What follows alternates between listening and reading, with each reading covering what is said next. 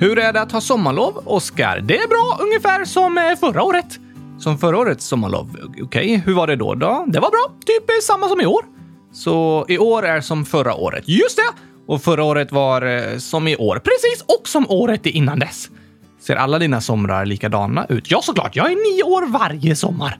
Det har du rätt i. Men det betyder inte att du behöver göra samma sak varje år. Fast jag sa ju att förra sommaren var bra. Varför ska jag göra annorlunda i år då? Det är sant. Men hur var förra sommaren då? Typ samma som i år. Som är likadan som förra året. Och vad gör du på sommaren? Aha, ehm, käka gurkaglass. Just det, såklart. Och måla lite kylskåp. Aha, nej förresten. Inte nej, jag målar inte lite kylskåp. Jag målar massor av kylskåp! Ja, såklart. Nio år, gurkaglass och måla kylskåp låter precis som förra året och alla år innan dess. Det är ju det jag säger! Det har du rätt i. Men har du något särskilt du vill berätta om, om ditt sommarlov då? Hmm. Jag kanske kan berätta om några kylskåp jag har målat. Ja, oh, visst. Kolla här! Igår, ska vi se här, jag målade ett grönt kylskåp! Vad bra, du använde alltså en grön tuschpenna. Precis! Men sen gjorde jag något superhemskt. Ja, så jag målade ett kylskåp i chokladbrun färg! ja, här är ett kylskåp med en brun tuschpenna. Nej tack! Inte? Nej, den färgen ser så äcklig ut så jag kallar den för en uschpenna.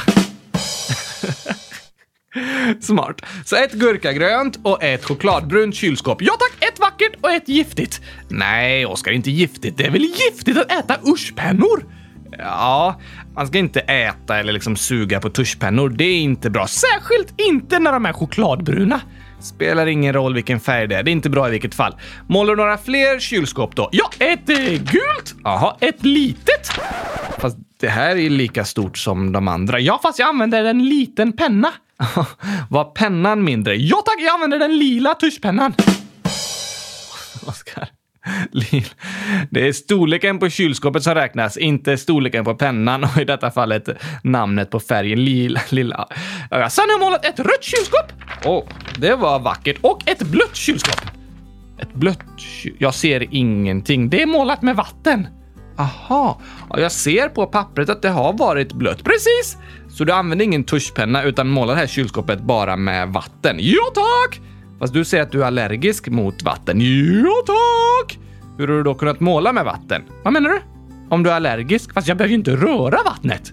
Nej, du sa ju precis att det inte är bra att äta tuschpennor, men människor kan använda dem ändå. Ja, det har du rätt i. Och jag kanske är allergisk mot vatten, men jag kan måla med det ändå. Så du har inte behövt röra vattnet. Nej tack! Hur har du målat då? Jag har använt en duschpenna. oj, oj, det har jag inte hört talas om. Hur fungerar den? Det är som en pensel man doppar i vattnet och så målar man med den. Alltså en vanlig pensel. Nej, en duschpenna, för den är blöt. Okej, okej. Vilka vackra kylskåp. Måla med tuschpennor, uschpennor och duschpennor. Här är ett till. Ett till.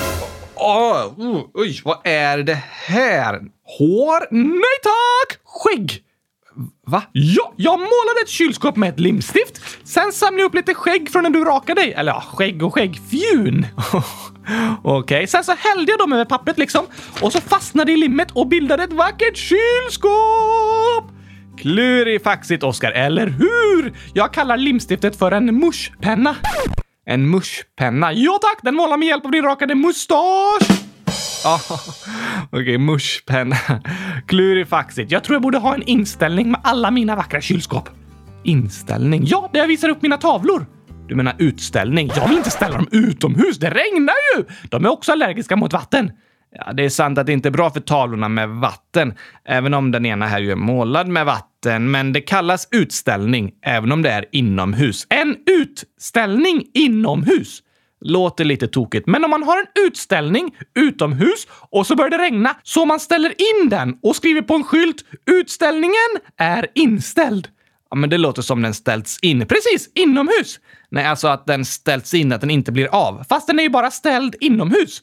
Ja, men att något är inställt betyder att det inte kommer hända. Kan det inte hända saker inomhus? Jo, det kan ju. Men om något ställs in betyder det att det inte kommer hända. Ja, som eh, konserter nu under coronakrisen. De har ställts in. De kommer inte hända. Varför heter det ställts in?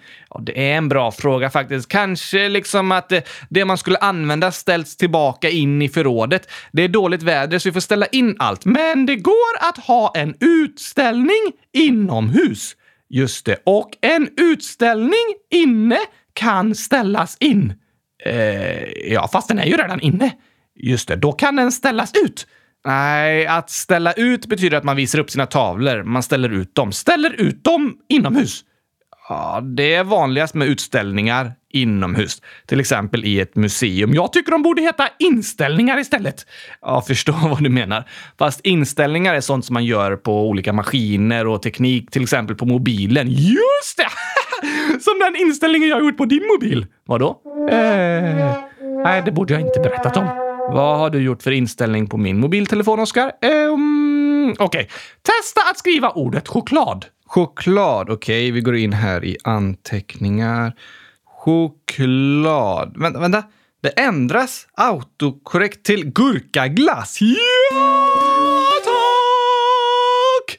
Har du gjort så att varje gång jag skriver choklad så ändras ordet till gurkaglass? Precis! Ah, var det därför det stod gurkaglass två gånger på listan jag hade när jag skulle handla igår? Och ingen choklad! Nej, så jag glömde köpa det. Yes! Jag hade skrivit choklad på listan, men det hade ju ändrats till gurkaglass. Bästa inställningen! Klurifaxigt, Oskar. Men det blir ju inte så bra om jag ska skriva till exempel till din nya lärare i höst och skriver Oskar är allergisk mot choklad Oj! Då blir det Oskar är allergisk mot gurkaglass. Nej, nej, nej, nej, nej, nej, nej, nej, nej, nej, nej, nej, nej, nej! nej, Ta bort den inställningen. Okej, okay. ska vi kolla här i inställningen. Men vänta nu. Det står inte Oskar är allergisk mot gurkaglass. Herr Gurkason är allergisk mot gurkaglass. Ja, tack! Har du gjort så att när jag skriver Oskar blir det herr Gurkason? Ja, oh, det låter lite officiellt. Det får man säga. Så om jag skriver här. Oskar älskar choklad blir det Herr Gurkason älskar gurkaglass. Så ska det låta! Klurifaxigt det här med ändrade inställningar som byter orden i mobilen, eller hur? Men på tal om det här med efternamn får ni fortsätta skicka in era förslag på passande efternamn till Oscar så ska vi ha en omröstning sen. Ja tack, gör det! Och inget namn med choklad. Såklart inte. Choklart inte? Såklart inte. Ah, men efter mycket tokigheter nu, Oskar, är det dags att komma igång med dagens avsnitt. Vad ska det handla om? Jo, vi har fått ett spännande förslag på dagens tema som jag ska berätta om efter introjingen. Oh, spännande! Eller hur? Nej, inte alls faktiskt, för alla har ju läst temat när de läste namnet på dagens avsnitt. Just det. Ni vet redan att vi ska prata om Titanic. Ja, tack! Ja, tokigt. Nu kommer introjingen i alla fall.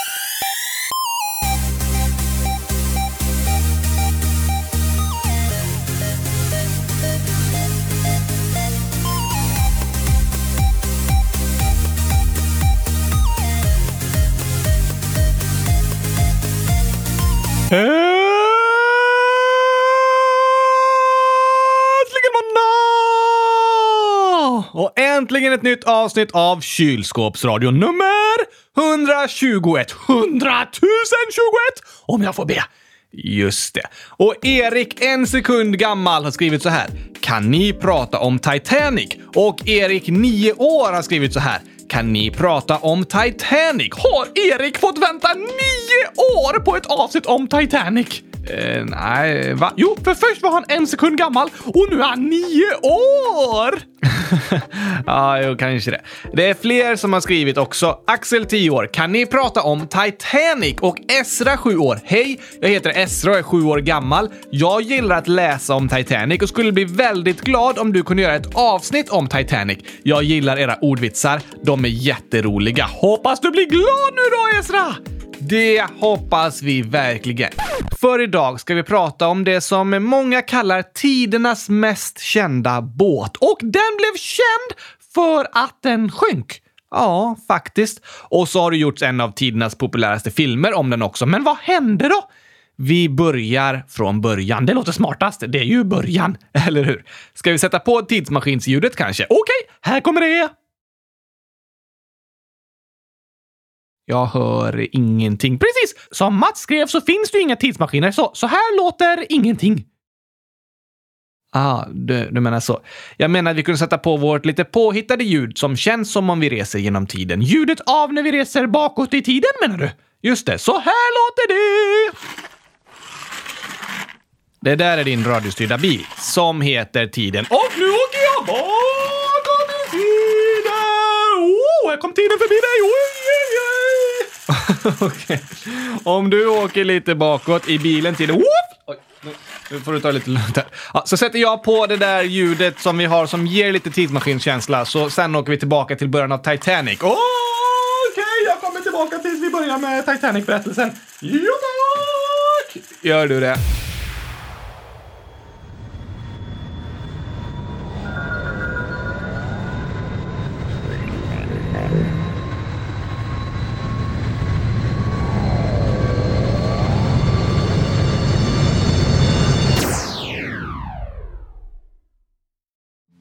Vi har åkt tillbaka till år 1909, mer än 100 år sedan. Precis. Då började världens dittills två största passagerarfartyg byggas. Passagerarfartyg? Ja, alltså båtar som tar människor. Finns det båtar utan människor? Ja, alltså, det har ju genom historien alltid varit människor som styrt båtarna, så alla båtar har ju passagerare. Men vissa båtar kan vara byggda för att frakta containrar och sånt, andra för att vara fyllda med passagerare. Ah, och Titanic var ett fartyg för passagerare. Precis. I staden Belfast på Nordirland byggdes världens dittills största passagerarfartyg. De hette RMS Olympic och RMS Titanic. RMS! Det står för Royal Mail Ship det betyder eh, kungliga postskepp. Fick de skicka brev åt kungen? Ja, det gjorde de. Fast Royal Mail används inte bara av kungen utan är ett postföretag i Storbritannien som skickar över hela världen. Och att skeppet fick kallas RMS visade att det var liksom ett fint skepp med stora uppdrag. RMS Titanic. Så hette det. Och som sagt byggdes samtidigt ett nästan likadant skepp som hette RMS Olympic. Aha! Olympic blev klart lite före Titanic och sjösattes först. Båda båtarna var väldigt kända redan innan de byggts klart. De hade ritats av några av världens bästa ingenjörer och utrustats med all den finaste och mest avancerade moderna tekniken. Det här var en tid när världen utvecklades väldigt mycket. Det kom många nya uppfinningar som förändrade hur människor levde och nu var det dags att bygga stora skepp med all denna nya teknik. Skepp som skulle kunna frakta tusentals människor över Atlanten och som inte skulle kunna sjunka. Som inte kan sjunka! Ja, så talades det om Titanic och Olympic. Båtar sjunker ju om de går sönder, eh, ofta för att det kommer in vatten, eller hur? Såklart! Men på Olympic och Titanic hade de kommit på en ny lösning. Den delen av båten som låg i vattnet var indelad i 16 olika avdelningar. Typ som olika rum. Ja, så kan man nästan säga. Om båten till exempel skulle åka på en sten och få ett hål så skulle ett av de rummen fyllas med vatten, men skeppet skulle ändå inte sjunka. Aha, smart! Så vattnet kunde inte röra sig till de andra rummen. Nej, varje rum var liksom vattentätt, så vattnet spreds inte vidare och fick hela skeppet att sjunka, utan fyra sådana rum skulle kunna fyllas med vatten utan att skeppet skulle sjunka. Så Titanic kunde få fyra stora hål, men ändå flyta.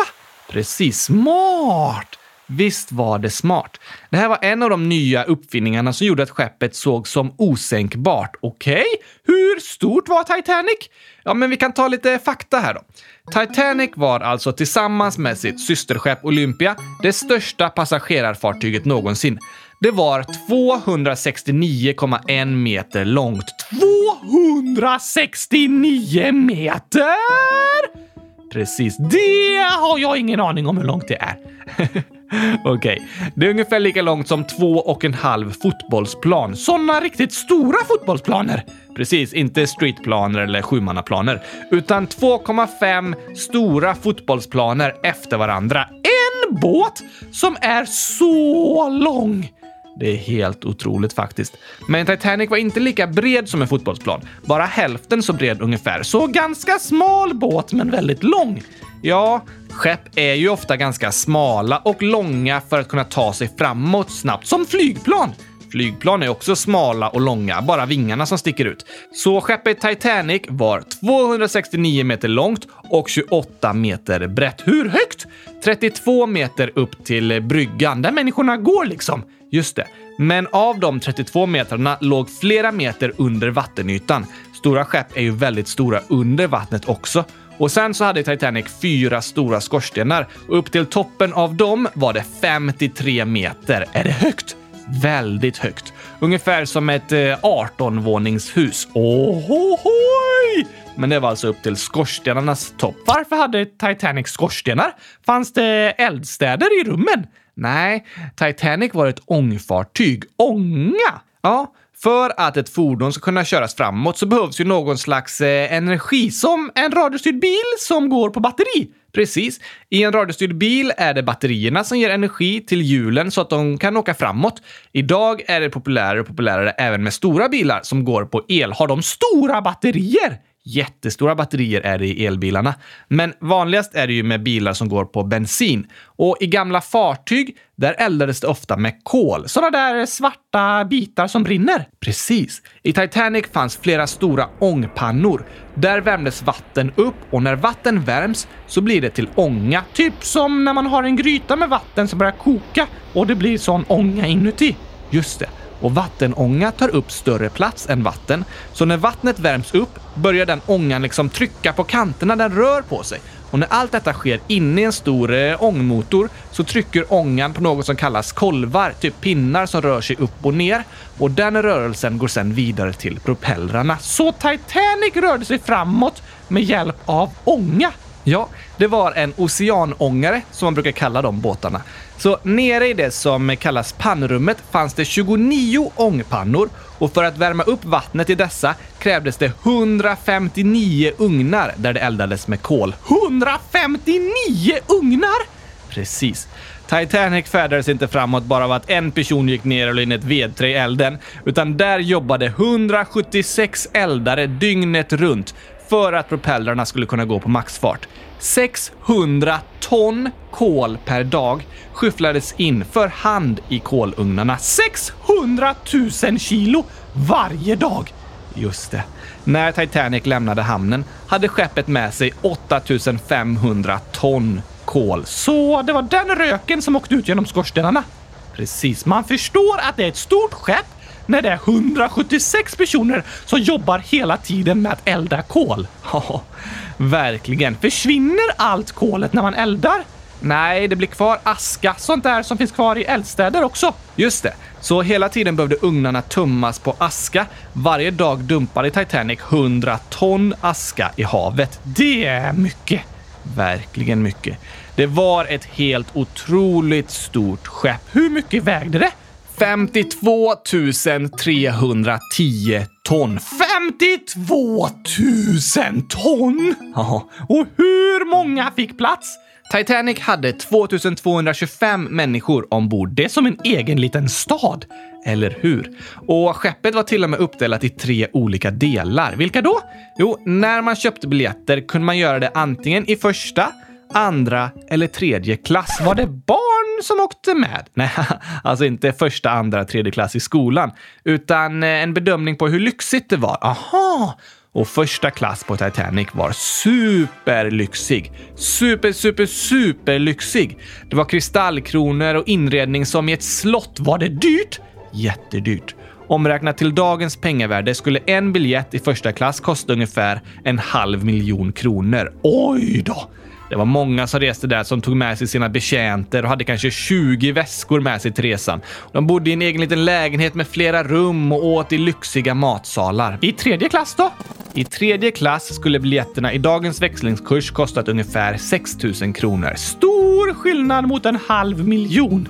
Verkligen. Och de flesta människorna som var ombord på Titanic, de reste i tredje klass. Främst var det personer som ville emigrera till USA på grund av fattigdomen i Europa. Just det! Som vi har pratat om. Ja, det var ju många som emigrerade, alltså flyttade från Sverige och Europa till USA på den här tiden. Fanns det många svenskar på Titanic? Det gjorde det verkligen. Efter engelsmän och amerikanare så var svenskarna den största gruppen på Titanic. 123 stycken. Därför blev nyheten om att Titanic sjunkit en väldigt stor nyhet även i Sverige. Fick de som bodde i tredje klass också äta i de lyxiga matsalarna?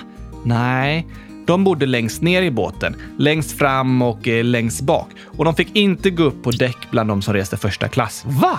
Nej, det var som två olika världar på ett skepp. Och det är något väldigt speciellt med historien om Titanic, för runt hela jorden så lever ju människor med olika förutsättningar. Vad menar du? Jo, men olika människor har till exempel olika mycket pengar. Det kan skilja sig mellan familjer och också mellan eh, länder. Sant! Och i städer och i länder så delas det ofta upp utifrån hur mycket pengar personer har.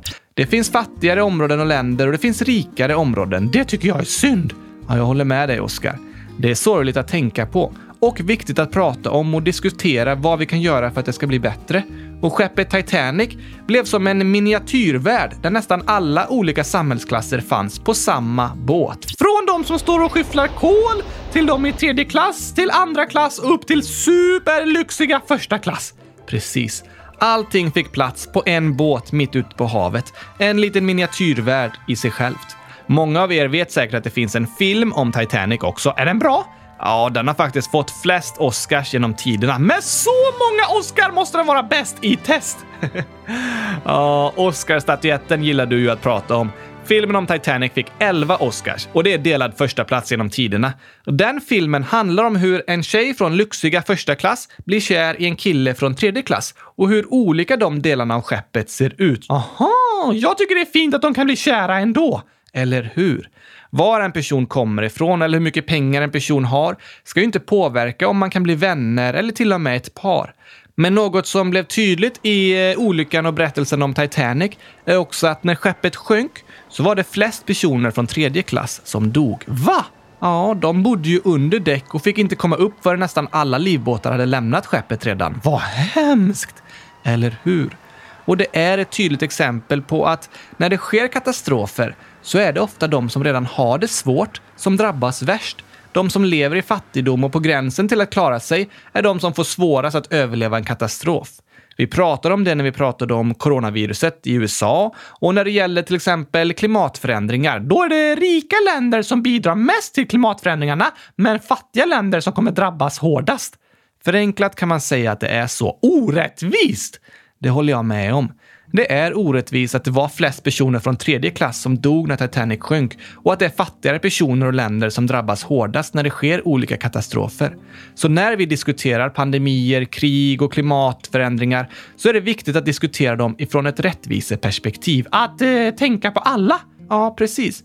Vi har ju pratat om diskriminering, att det inte är okej okay att bli behandlad annorlunda beroende på om man är kille eller tjej eller vilken hudfärg man har. Diskriminering när man behandlas annorlunda på grund av saker som inte har med saken att göra. Det är en bra förklaring. Vad man har för färg på håret ska ju inte få påverka om man får ett jobb eller inte. Nej tack! På samma sätt så är det viktigt att uppmärksamma diskriminering som beror på hur mycket pengar man har. Aha! Som att de i tredje klass inte fick lika bra tillgång till livbåtar.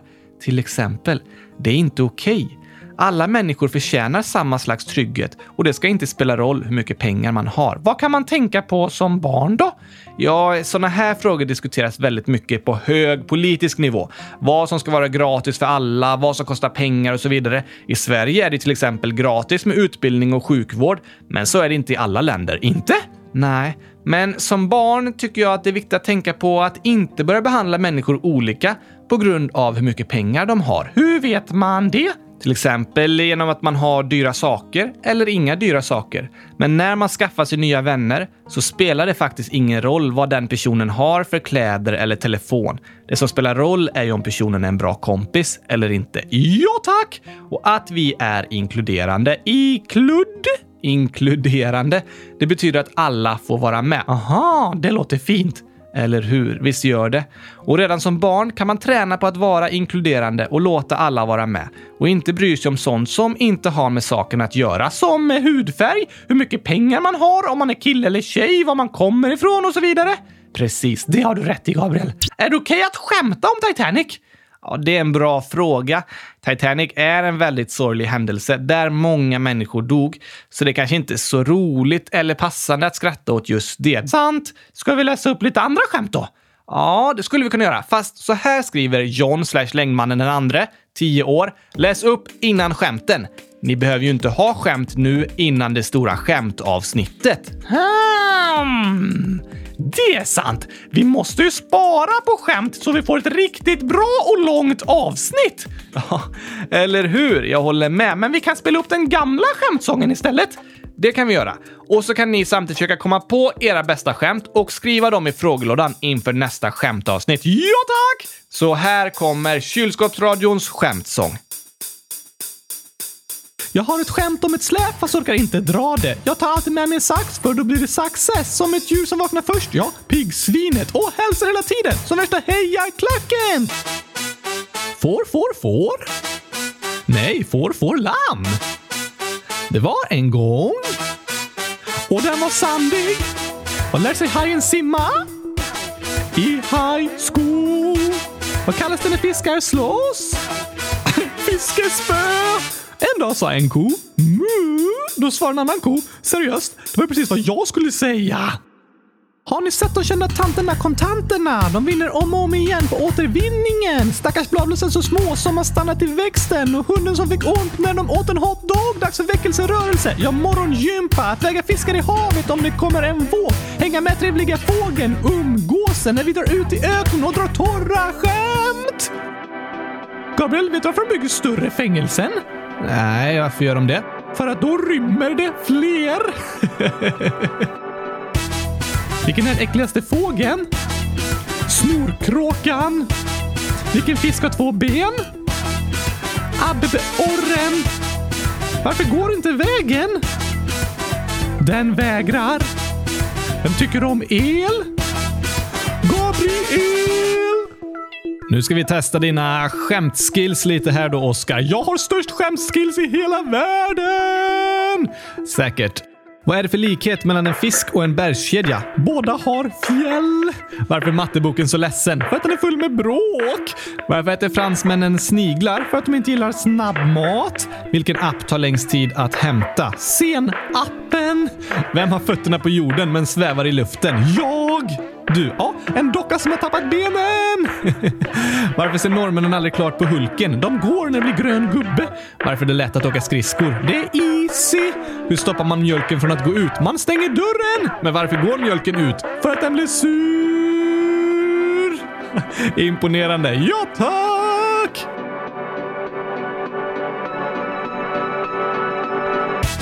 Var sitter bagarens barn? I baksätet? Var har bagaren sitt recept? I bakhuvudet.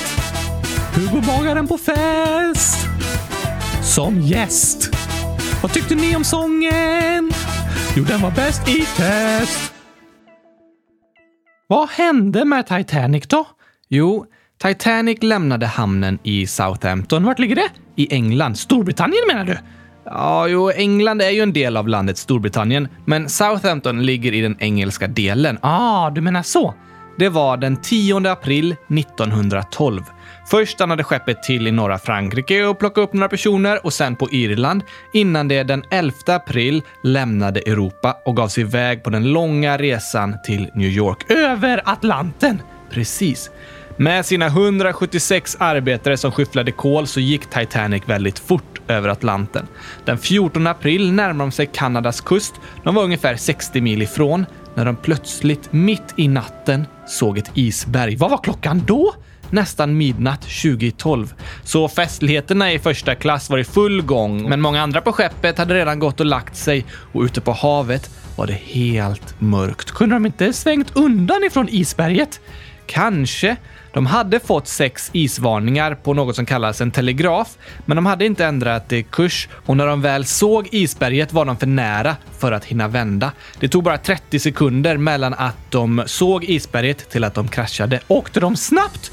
22,5 knop, det var nästan maxfart som var 23 knop. Är det hur många knopar kaptenen hinner göra på en minut?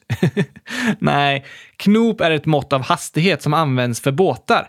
Enkelt kan man säga att en knop är ungefär dubbelt så snabbt som en kilometer i timmen. Så en knop är ungefär två kilometer i timmen. Jaha, så man dubblar för att få kilometer i timmen? Just det, men om man ska räkna med det exakt så gångrar man med 1,8. Så 22,5 knop gånger 1,8 blir 40,5 kilometer i timmen. Inte lika snabbt som en bil på motorvägen. Nej, inte så snabbt, men ungefär som en bil som kör på en väg in i stan. Och att komma med den hastigheten rakt in i ett isberg är väldigt fort och kan göra stor skada. Är isberg hårda? Jättehårda.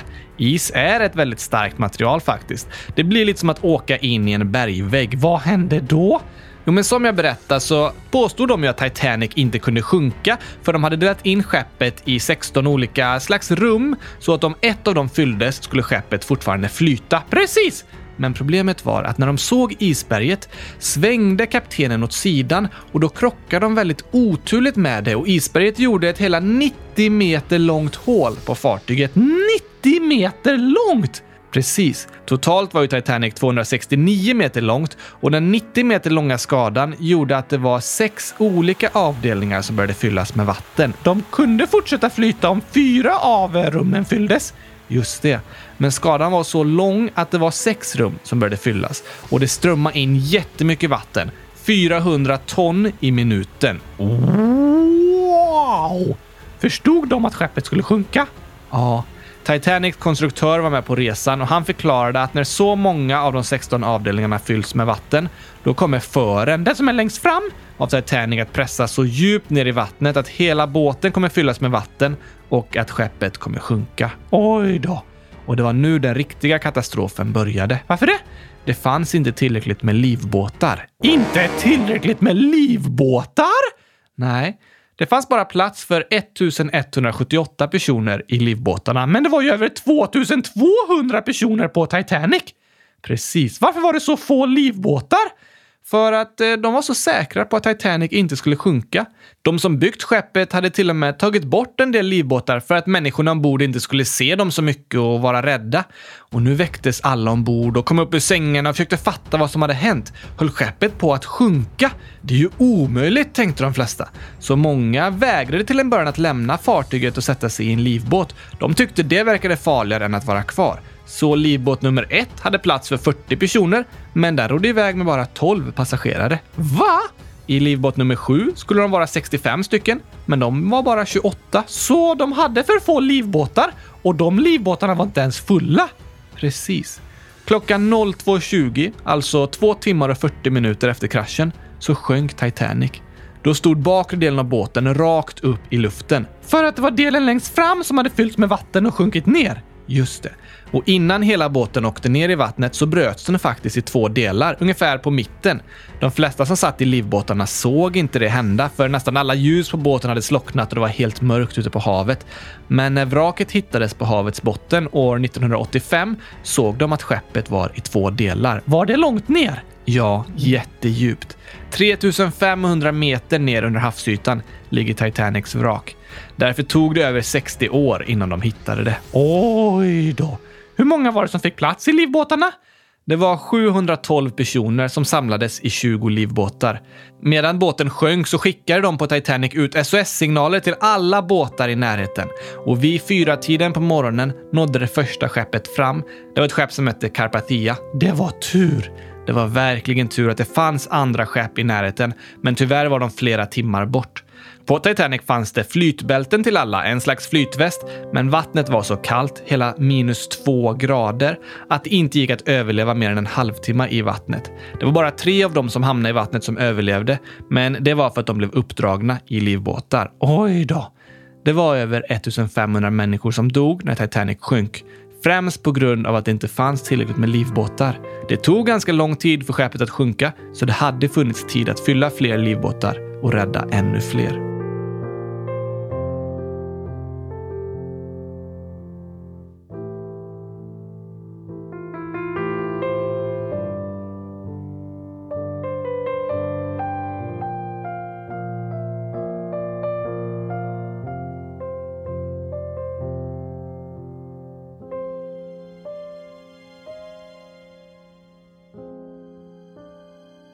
Vad tycker du vi kan lära oss av berättelsen om Titanic, Oscar? Att inte åka båt.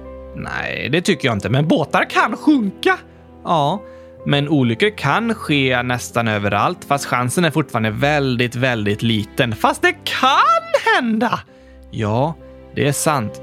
Men om de på Titanic hade tagit säkerheten på allvar så hade jättemånga fler kunnat överleva. Just det! Och de som byggde skeppet var superduktiga. Företaget hette White Star Line och under de senaste tio åren hade över två miljoner människor rest med dem och det hade bara skett två dödsfall. Det låter bra! Eller hur? Och kommer du ihåg att Titanic byggdes samtidigt som ett annat skepp kallat RMS Olympia? Och det skeppet visar att det var väldigt bra och hållbara fartyg. RMS Olympic klarade fyra ubåtsattacker och rammade och sänkte en tysk ubåt i första världskriget. Och det fraktade flest soldater av alla under det kriget och var under 25 år ett väldigt framgångsrikt och bra skepp. Tills det togs upp på land för att det inte behövdes mer, när inte så många emigrerade till Amerika längre. Hade Olympic tillräckligt med livbåtar? Efter att Titanic sjönk så strejkade arbetarna på RMS Olympic och krävde att det fanns livbåtar åt alla på skeppet. Vad bra! Verkligen. De lärde sig av det som hade hänt. Efter Titanics tragiska olycka så har människor över hela världen reflekterat och funderat på vad det var som gick fel. Vad kom de fram till? Jo, men en slutsats är att i början av 1900-talet hade man blivit lite naiva. Vad betyder det? Att vara naiv betyder ungefär att man inte bryr sig om riskerna. Man tänker att det, inget kommer gå fel. Det löser sig säkert. Oftast gör det ju det.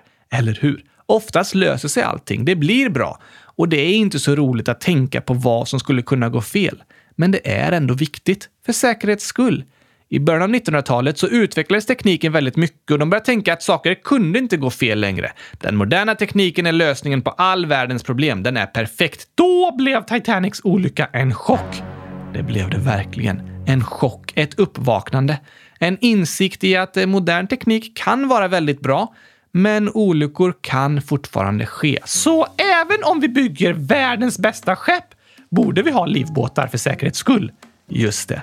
På samma sätt är det för oss varje dag. Även om vi antagligen aldrig kommer krocka med bilen är det ändå bra med bilbälte. Sant! Även om vi kan simma är det bra med flytväst. Även om man kan cykla är det bra med hjälm. Just det. Och det är viktigt att bry sig om nödutgångar och inte blockera dem om det skulle börja brinna, fastän det antagligen aldrig kommer börja brinna. Eller hur? Det är en viktig reflektion och något vi kan lära oss av Titanic. Vi ska inte gå runt och tro att det värsta kommer hända.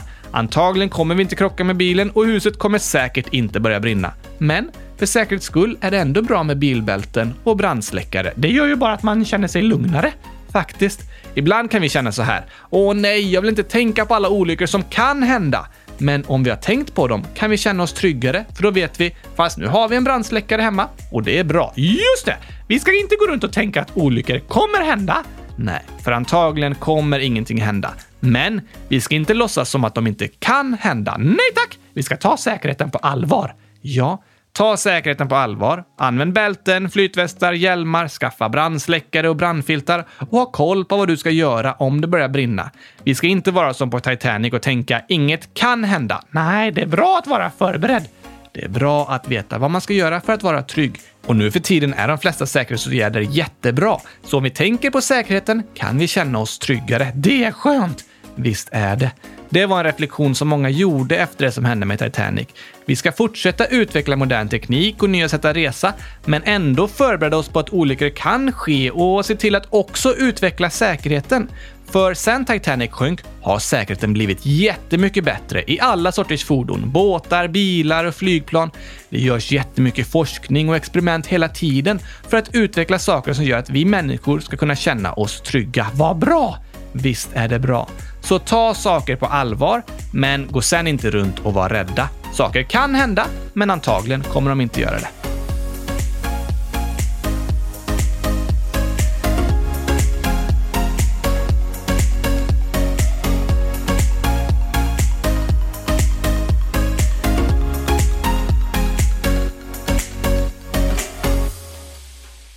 Vilken berättelse! Vilken berättelse? Om Titanic? Ja, ah, verkligen. Det är en av historiens mest omtalade händelser och nu hoppas vi att ni har lärt er lite mer om den också. Ja, tack! Innan vi avslutar kommer här två hälsningar. Sara är 11 år. Jag fyller år den 8 juli och det är en onsdag, så när ni läser upp det här är jag 12, fast vi läser det idag. Ja, vi läser det i förväg istället, så du inte förväntar dig att få höra det här. Sara skriver, när jag kollade blev jag lite ledsen för jag ville att det skulle komma ett avsnitt på min födelsedag. Fast det blir det nästa år. Kylskåpsradion är bäst i test. Älskar er och eran podd. Stort grattis i förskott på 12-årsdagen! Jag önskar att jag någon gång skulle bli 12. Ja, det är fantastiskt att få fylla 12 år. Hoppas du får en superbra dag, Sara. Och även Ester skriver, jag fyller år den 6 juli. Kan ni gratta mig? Hur många år? Snart sju år står det i åldern, så idag firar Ester sin sjuårsdag. Oj, oj, oj, oj, oj! Hundratusen grattis på födelsedagarna, Sara och Ester! Stort, stort, stort, stort grattis till er! Hoppas ni får massor av gurkaglass. Ja, det hoppas vi verkligen. Och annat som ni tycker om. Och tack till alla er som har lyssnat idag. Skriv era bästa förslag på Oscars efternamn, skicka in era bästa skämt och gå in på Kylskåpsradions hemsida för att på första sidan rösta om vilket land ni tycker vi ska prata om. Det blir nytt land nästa måndag. Det blir det, men först ett torsdagsavsnitt. Yes! Ha det riktigt fint tills dess. Om ni är mer intresserade av Titanic kan ni googla bilder och kanske kolla någon dokumentär. Om ni vill se vart båten korsar Atlanten kan ni söka på Titanic Rutt, R-U-T-T, så finns det sådana kartor om hur båten åkte. Det finns massor av bilder och information om Titanic som några av er lyssnare berättar om att ni tycker är jätteintressant att läsa om. Jag tycker också det är väldigt spännande att lära sig om historiska händelser. Det kan vara sorgligt ibland. Det kan det vara. Men det vi lär oss av historien kan göra framtiden ännu bättre. Sant! Så hoppas ni gillade avsnittet. Vi hörs igen på torsdag. Tack och hej! Gurkapastej! Hej då!